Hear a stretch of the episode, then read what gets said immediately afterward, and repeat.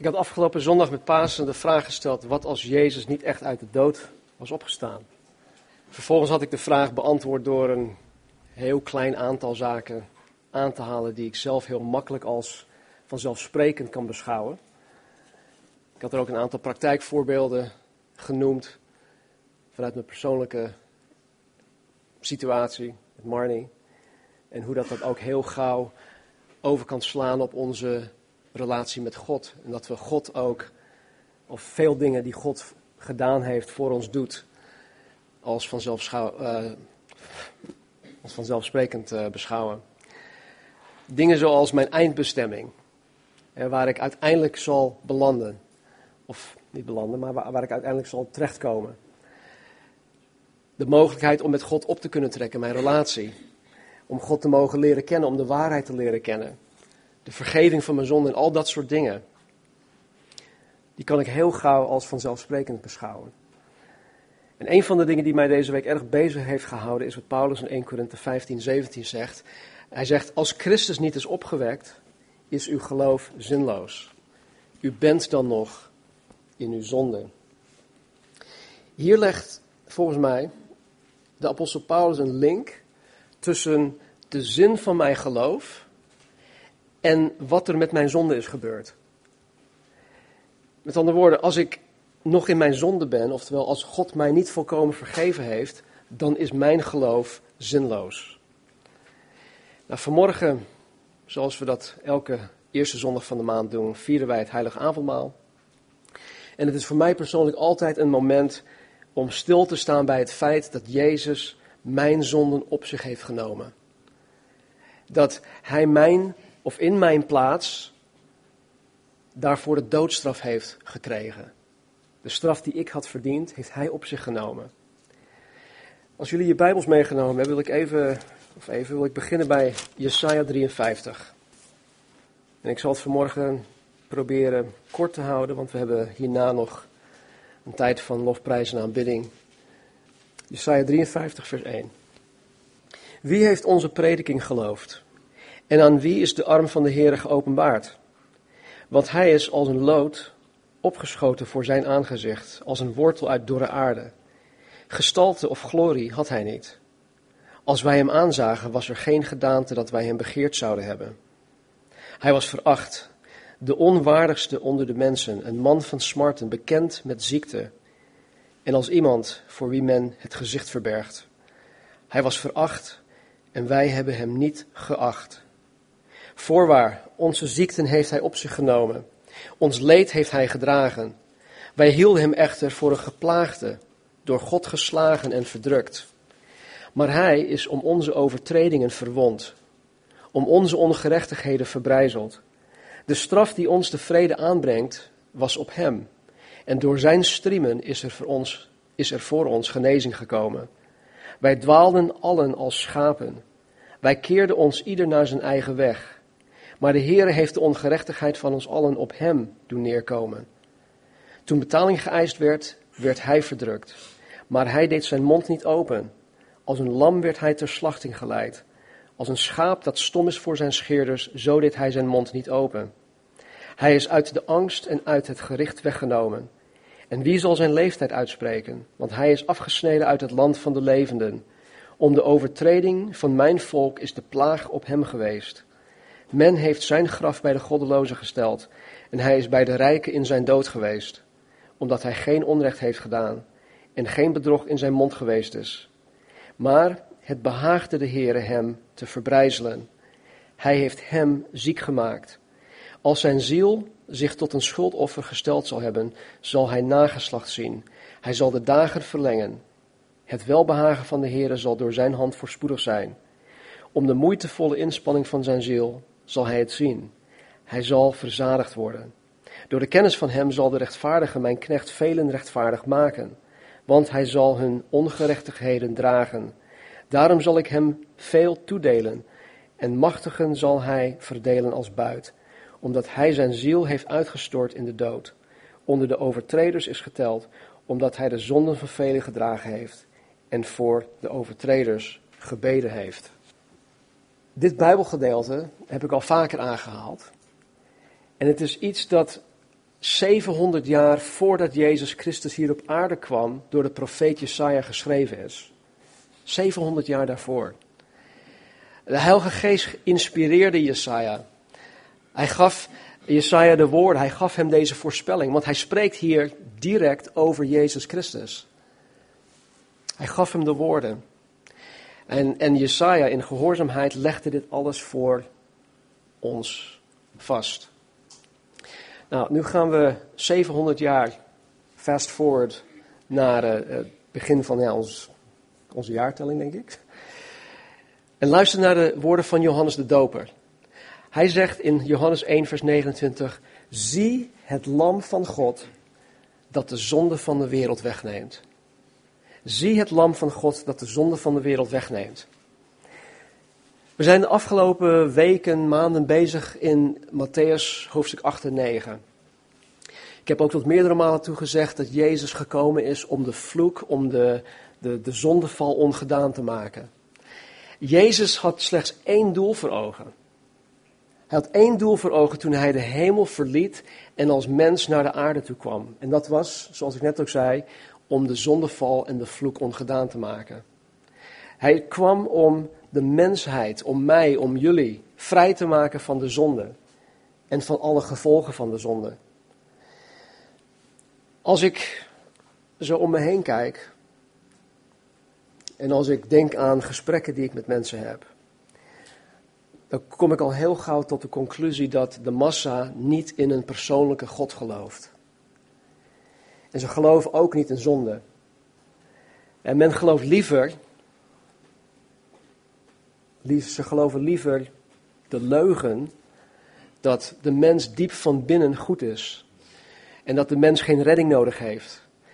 En ze geloven dat liever dan dat de mens in de kern van zijn wezen een hopeloze zondaar is. Dat is geen leuke boodschap. Mensen willen dat niet horen. Mensen willen niet horen dat zij hopeloos zijn. Dat zij zondaar zijn en dat ze iemand als God nodig hebben.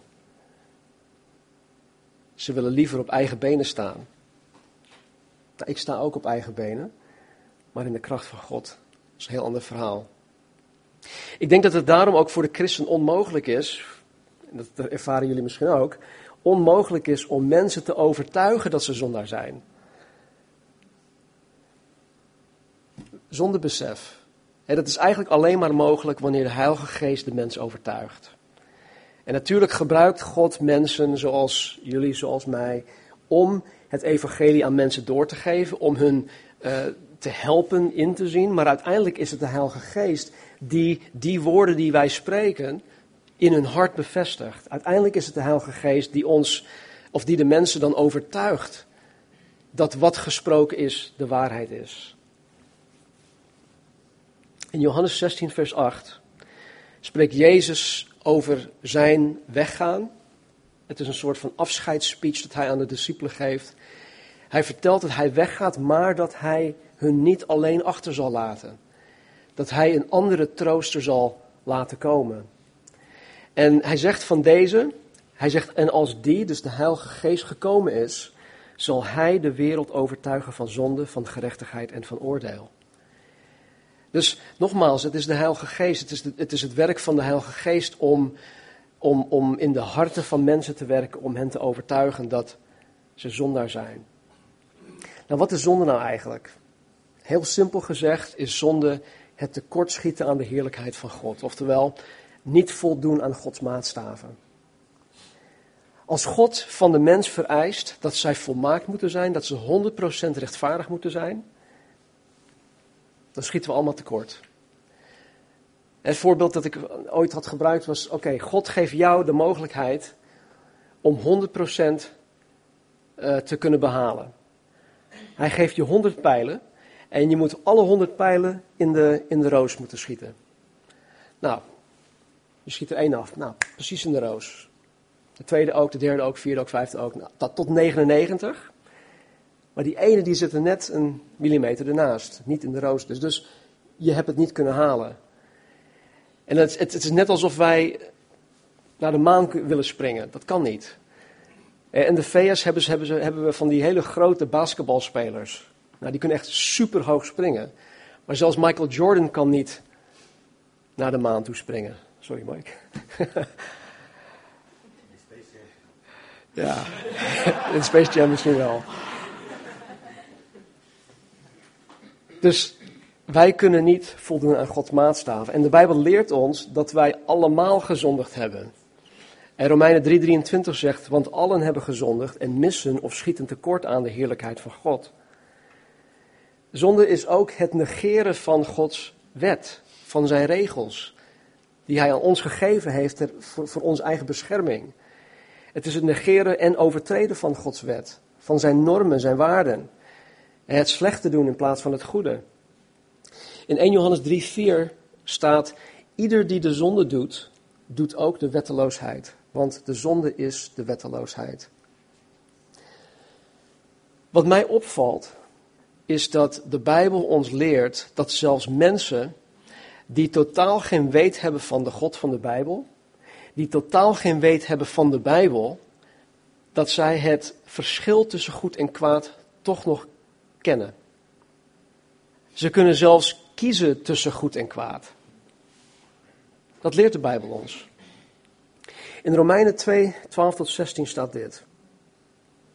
Dan heeft Paulus het over de heidenen die dus niet, um, die dus de Bijbel niet hadden zoals de Joden dat wel hadden. Hij zegt, want zij die zonder wet gezondigd hebben, zullen ook zonder wet verloren gaan. En zij die onder de wet gezondigd hebben, zullen door de wet geoordeeld worden. Niet de hoorders van de wet zijn immers gerechtvaardigd of rechtvaardig voor God, maar de daders van de wet zullen gerechtvaardigd worden. En hier komt het. Want wanneer heidenen die de wet niet hebben, van nature doen wat de wet zegt, want iedereen heeft wel een geweten, weet het verschil tussen goed en kwaad. Als zij van nature doen wat de wet zegt, zijn zij, hoewel ze de wet niet hebben, zichzelf tot wet. Ze hebben dat gewoon gekregen, meegekregen van God. Zij tonen dat het werk van de wet geschreven is in hun hart. Daar getuigt ook hun geweten van en hun gedachten onderling beschuldigen of ook verontschuldigen elkaar. Hier in dit gedeelte leert de Bijbel ons dat God de mens niet alleen de letterlijke morele wet gegeven heeft, maar ook een geweten en dat God zelfs de morele wet in hun harten geschreven heeft. We kennen, ik ken zelf genoeg mensen die, die niets met God te maken willen hebben, die in principe goede mensen zijn. ze houden van hun kinderen, ze stelen niet, ze belazeren de belastingdienst niet. Het zijn op zich goede mensen in die zin. Waarom? Omdat ze een geweten van God hebben gekregen. De wet, ondanks dat ze het niet kennen, is, is in hun hart geschreven. Ik vraag me soms wel eens af, hè, hoe zit dat dan met de psychopaten? En mensen die geen geweten lijken te hebben. Want mensen die dus aan psychopathie, heet, zeg dat goed? Lijden. Die kunnen verschrikkelijke dingen doen zonder dat ze daar berouw over hebben. Hoe zit het met die mensen? Nou, 1 Timotheus 4, 1 en 2 geeft ons denk ik een antwoord daarop. Paulus zegt hier, maar de geest, dus de heilige geest, zegt uitdrukkelijk dat in latere tijden sommigen afvallig zullen worden van het geloof en zich zullen wenden tot misleidende geesten en leringen van demonen door huichelarij van leugenaars die hun eigen geweten als met een brandijzer hebben toegeschroeid. Mijn vader, die is nu 89, die heeft in, uh, is krijgsgevangene geweest in uh, de Jappentijd, zoals ze dat noemen. En hij vertelde wel eens van, uh, van zijn, ja, zijn vrienden die gesneuveld waren, die bijvoorbeeld een, een, arm of een been verloren hadden. Als ze dus in de strijd waren, geen medische hulp konden vinden, namen ze een, een heet ijzer om bijvoorbeeld die wond dicht te schroeien. En door dat te doen, stopten ze ja, het bloeden, maar het hield ook infectie tegen. de, de bacteriën en dat soort dingen, die, die, die konden dus niet meer in het, in het lichaam komen. Het werd dus verhard tegen alle, alle invloeden van buiten. En dat zegt Paulus hier, hij gebruikt hier dit, dit voorbeeld, dat, dat deze leugenaars hun eigen geweten met als een brandijzer hebben toegeschroeid. Met andere woorden, er kan niks meer in. Het is, het is niet meer um, penetrable. Help me. Doordringbaar. Ja, dankjewel. Het is niet meer doordringbaar. Er zijn mensen die in harten en geweten dus dusdanig verhard hebben tegen God, dat zelfs de Heilige Geest niet tot hun door kan dringen. Laten we naar Romeinen 1 gaan, Romeinen 1, vers 18. Het is een heel heftig stuk, maar ik zal met goed nieuws eindigen. Romeinen 1, vers 18. Paulus schrijft: Want de toorn van God wordt geopenbaard vanuit de hemel over alle goddeloosheid en ongerechtigheid van de mensen, die de waarheid in ongerechtigheid onderdrukken. Omdat wat van God gekend kan worden, hun bekend is. God zelf heeft het hun immers geopenbaard. Want de dingen van Hem die onzichtbaar zijn, worden sinds de schepping van de wereld uit Zijn werken gekend en doorzien, namelijk en Zijn eeuwige kracht en Zijn goddelijkheid, zodat zij niet te verontschuldigen zijn. Want ze hebben, hoewel zij God kennen, Hem niet als God verheerlijkt of gedankt, maar zij zijn verdwaasd in hun overwegingen en hun onverstandig hart is verduisterd. Terwijl zij zich uitgaven voor wijzen, zijn zij dwaas geworden. En hebben zij de heerlijkheid van de onvergankelijke God vervangen door een beeld dat lijkt op een vergankelijk mens, op vogels en op viervoetige en kruipende dieren. Daarom ook heeft God hen in de begeerten van hun hart overgegeven aan de onreinheid om hun lichamen onder elkaar te onteren. Ze hebben de waarheid van God vervangen door de leugen en het schepsel vereerd en gediend boven de schepper, die te prijzen is tot in eeuwigheid. Amen. Daarom heeft God hen overgegeven aan oneervolle hartstochten, want ook hun vrouwen hebben de natuurlijke omgang vervangen door de tegennatuurlijke. En evenzo hebben ook de mannen de natuurlijke omgang met de vrouw opgegeven en zijn in wellust voor elkaar ontbrand. Mannen doen schandelijke dingen met mannen en ontvangen het gepaste loon voor hun dwaling in zichzelf. En omdat het hun niet goed dacht God te erkennen, heeft God hen overgegeven aan verwerpelijk denken, om dingen te doen die niet passen. Ze zijn vervuld van allerlei ongerechtigheid, hoererij, boosaardigheid, hebzucht, slechtheid. Ze zijn vol afgunst, moord, ruzie, bedrog, kwaadaardigheid. Kwaadsprekers zijn het, lasteraars, haters van God, smaders, hoogmoedigen, grootsprekers, bedenkers van slechte dingen, ongehoorzaam aan hun ouders, onverstandigen, trouwelozen, mensen zonder natuurlijke liefde, onverzoenlijk, onbarmhartig. Ze kennen het recht van God, namelijk dat zij die zulke dingen doen, de dood verdienen. En toch doen zij niet alleen dezelfde dingen, maar stemmen ook in met hen die ze doen. Heftig. In dit stuk staat dat God de mensen die niet in Hem willen geloven, de mensen die niks met Hem te maken heeft, wat God hen overgegeven heeft. Hij heeft hen overgegeven aan de onreinheid en aan oneervolle hartstochten. En hiermee bedoelt Paulus alle seksuele zonden buiten het huwelijk tussen één man en één vrouw. In vers 28 staat dat God de mensen die niets met hem te maken willen hebben, overgegeven heeft aan verwerpelijk denken. Iemand die overgegeven is aan verwerpelijk denken, is niet in staat om ontvankelijk te zijn voor het evangelie. Die is niet in staat om ontvankelijk te zijn voor het evangelie. Dus enerzijds heeft ieder mens een mate van godsbesef. Ieder mens kent het verschil tussen goed en kwaad. Anderzijds heeft God de mensen die zich onherroepelijk buiten Gods redding hebben gesteld, overgegeven aan het kwade. Dat is heftig als je daarover nadenkt, als je erbij stilstaat. Hoe dan ook, God heeft ieder mens een geweten gegeven om, mens, om de mens bewust te maken van zonde. Om hen, om hen uiteindelijk tot bekering te brengen. Dat is de bedoeling van, zon, zondebesef, is dat, dat, je tot God, dat je tot God wendt. Maar helaas is het geweten nogal kwetsbaar. En zoals 1 Timotheus 4.2 aangeeft, is het mogelijk om je geweten dusdanig ongevoelig te maken dat je niet meer ontvankelijk kan zijn voor de overtuiging van de Heilige Geest. Je bent daarvoor afgesloten. En elke keer, elke keer wanneer de Heilige Geest tot je hart spreekt, zowel ongelovig als, on, gelovig, elke keer wanneer de Heilige Geest tot je hart spreekt, elke keer dat je weet dat de Heilige Geest tot je door wil dringen, en elke keer uh, wanneer, het, wanneer je het woord van God hoort en wanneer het woord echt tot je spreekt, dan is God bezig op dat moment, en het is maar een moment, dan is God bezig om jou naar zich toe te trekken. En het is een soort van window. het, venster dat, dat gaat open en dan sluit het zich weer.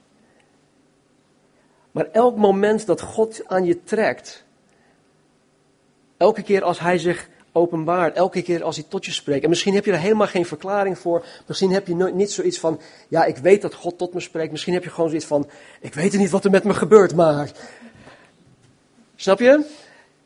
Nou, nou, dat ik weet niet wat er met me gebeurt, dat is God die tot je spreekt. En elke keer als dat gebeurt, dan wil Hij jou naar zich toe trekken.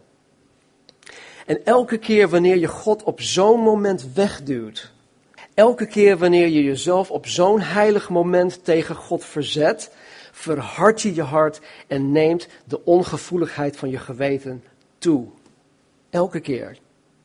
In Johannes 12, 39 staat dat dit soort mensen op een gegeven moment niet meer kunnen geloven. Mensen, dat is zo triest als iemand niet meer kan geloven. Als hun geweten zo verhard is en zo verschroeid is dat, je, dat, dat het Heilige Geest niet meer tot je door kan dringen. Daarom ben ik God zo dankbaar dat ik geloof. Ik geloof dat is een wonder. Het feit dat je gelooft is het grootste wonder ooit.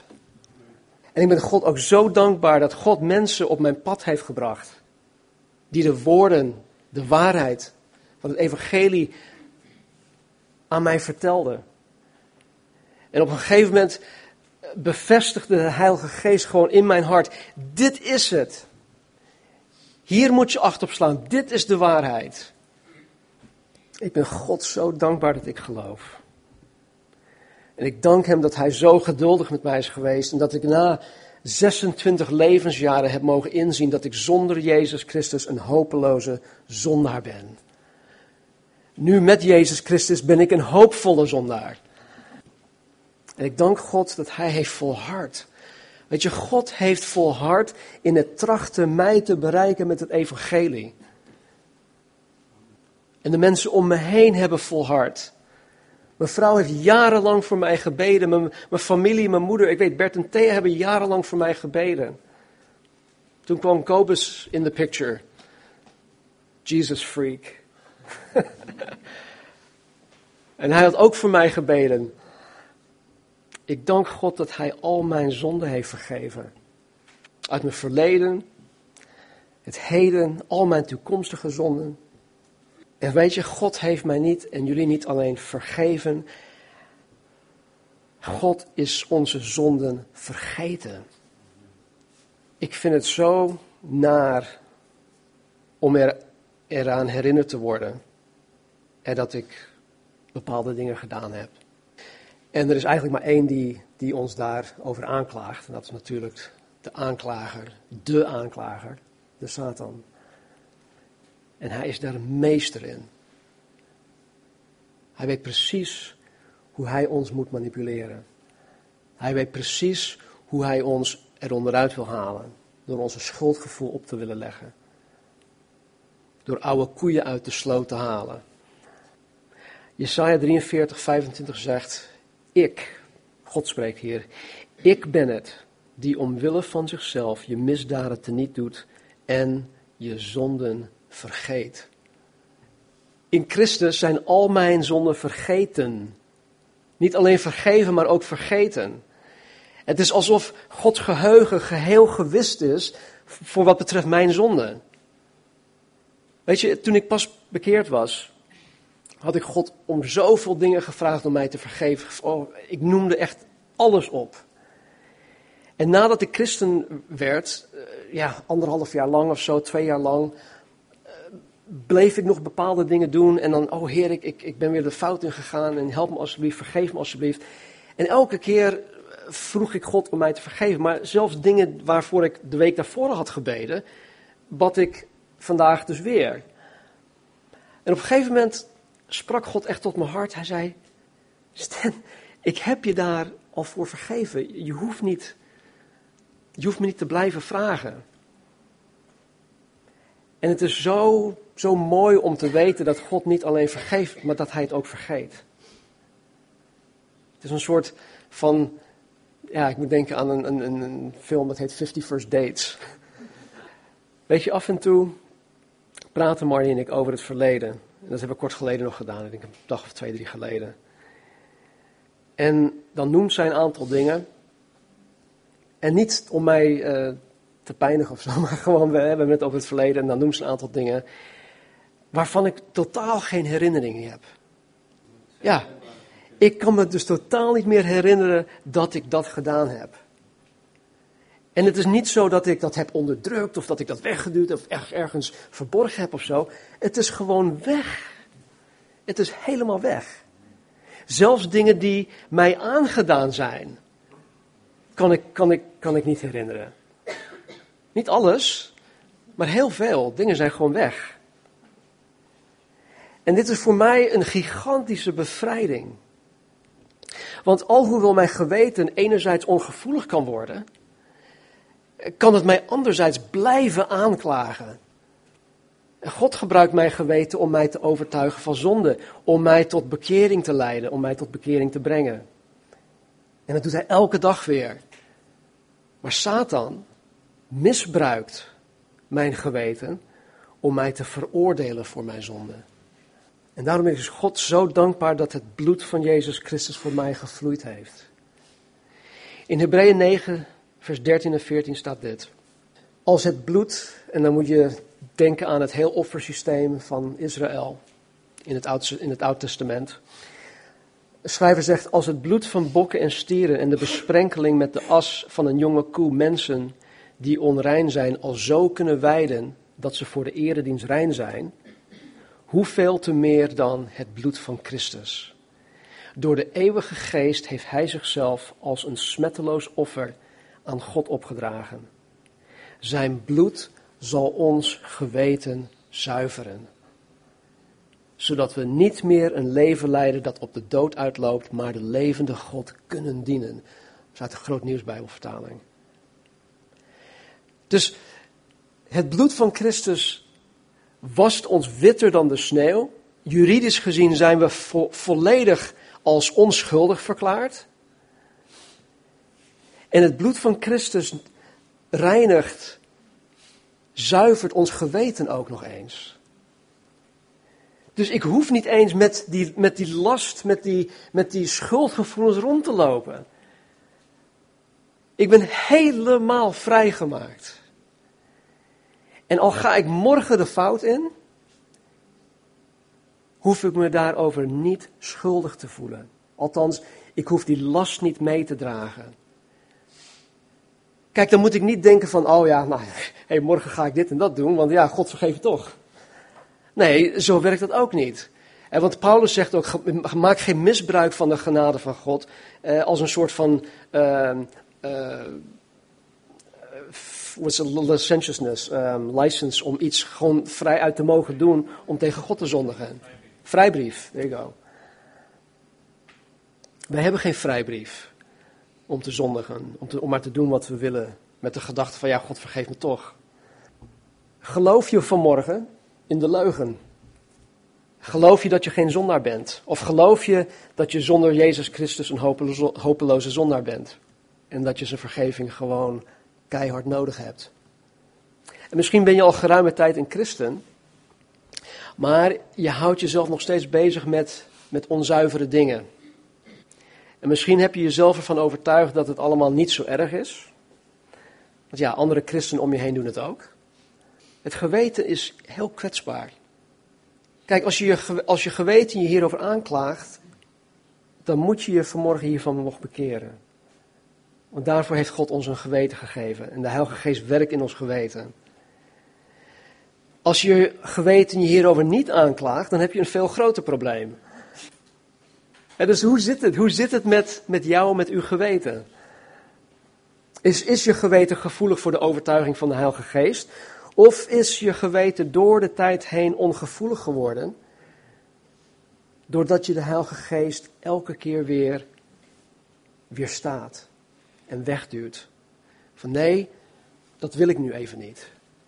Wie je ook bent, wat je ook gedaan hebt, de foute dingen waarmee je op dit moment in je leven bezig bent. God wil je vanmorgen vergeven. Punt uit. God wil je geweten zuiveren. God wil je een frisse start geven. God wil je vanmorgen met een, dat, dat, je met een schone lijn verder gaat. Het is voor ons allemaal beschikbaar. God zegt: Hier, neem het aan. Het is voor jou. Tijdens de Pascha-maaltijd staat er in Matthäus 26 dat terwijl zij aten, nam Jezus het brood en toen hij het gezegend had, brak hij het en gaf het aan de discipelen en hij zei, neem, eet, dit is mijn lichaam. Hij nam ook de drinkbeker en nadat hij gedankt had, gaf hij hun die. En zei, drink allen daaruit, want dit is mijn bloed, het bloed van het nieuwe verbond dat voor velen vergoten wordt tot vergeving van zonden. Jezus Christus heeft een nieuw verbond ingesteld. En het geldt voor ons. En hij biedt het ons aan. Vergeving. Het zuiveren van je geweten. Het vergeten van je zonde. Misschien vergeet ik het omdat ik nu 48 ben, dat kan ook hoor. Maar weet je, ik geloof echt dat God mij gewoon aan het, aan het opschonen is. Van al die troep van hem, vanuit mijn verleden. Het dus het vergeten van je zonde. Het is vanmorgen allemaal beschikbaar voor een ieder die zich met heel zijn hart wendt tot Jezus Christus. Jezus zegt kom. En hij wil alleen maar dat, dat je zegt van oké Heer, hier ben ik. Met al mijn rotzooi. Ik wil u navolgen. Ik besef, ik ben een zondaar. Ik besef, ik heb u nodig. Ik heb uw vergeving nodig. Ik wil een nieuw leven met u beginnen en ik wil het vandaag. Laten we bidden.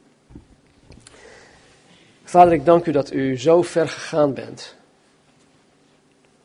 Zo ver gegaan bent, Heer, om redding, vergeving, het zuiveren van ons geweten het vergeten van onze zonde, Heer, om al die dingen te bewerkstelligen.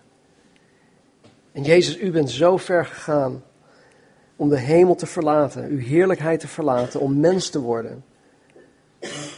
O Heer, u hebt uzelf zo vernederd. Het is menselijk niet te bevatten, Heer, hoe ver u bent gegaan. Maar Heer, het kleine beetje dat ik ervan begrijp, het kleine beetje dat wij ervan begrijpen, Heer, dat, dat doet iets in ons, Heer. Heer, het geeft ons een dankbaar hart. En Heer, alhoewel wij nog steeds rondlopen met dit, dit vleeselijk, dit zondig lichaam. Heer, is het diepst verlangen in ons hart, Heer, om niet te zondigen. Om zuiver te leven, Heer. We willen geheiligd en gereinigd worden door U door uw geest, door uw woord. Heer, u kent onze harten. Dus help ons, Heer. En als we vanmorgen het heilige avondmaal nuttigen, Heer, laat ons zien wie u bent, hoe ver u bent gegaan. En wat het bloed van Jezus Christus allemaal kan doen, heeft gedaan. Het is volbracht. Ik hoef er niets aan toe te voegen, ik kan er niets aan toevoegen, Heer. U hebt het gedaan. En ik kan mezelf berusten in het werk dat u gedaan hebt aan het kruis. Voor mij, voor ons. Dus Heer, als u op dit moment door uw geest iemand aan het overtuigen bent dat u de ware, de enige echte God bent, dat u alleen vergeving kan schenken, dat u alleen redding kan brengen. Heer, overtuig. Trek die mensen naar u toe, Vader.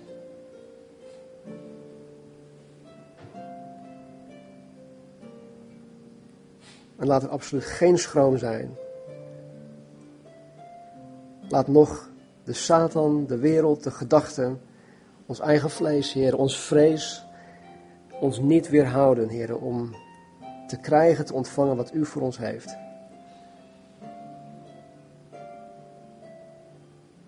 Dank u wel, Vader. Dank u wel, Jezus, dat u, dat u zo ver gegaan bent. Kom ons tegemoet, Heer. We hebben u nodig. Wij zijn zwak. We zijn bang. Misschien zijn we zelfs boos. Hoe dan ook, Heer, kom ons tegemoet. In Jezus' naam. Amen. We gaan zo meteen een aantal liederen zingen met elkaar. We hebben een uh, tijd van lofprijs en aanbidding. Ik wil iedereen vragen om zelf dan naar voren te komen, de elementen te nemen. Neem ze weer terug naar je eigen plaats. Praat met God, het is persoonlijk. Hij is jou, hij is uw vader. En uh, weet dat je vanmorgen gewoon een frisse start kan maken. Het geldt voor ons allen.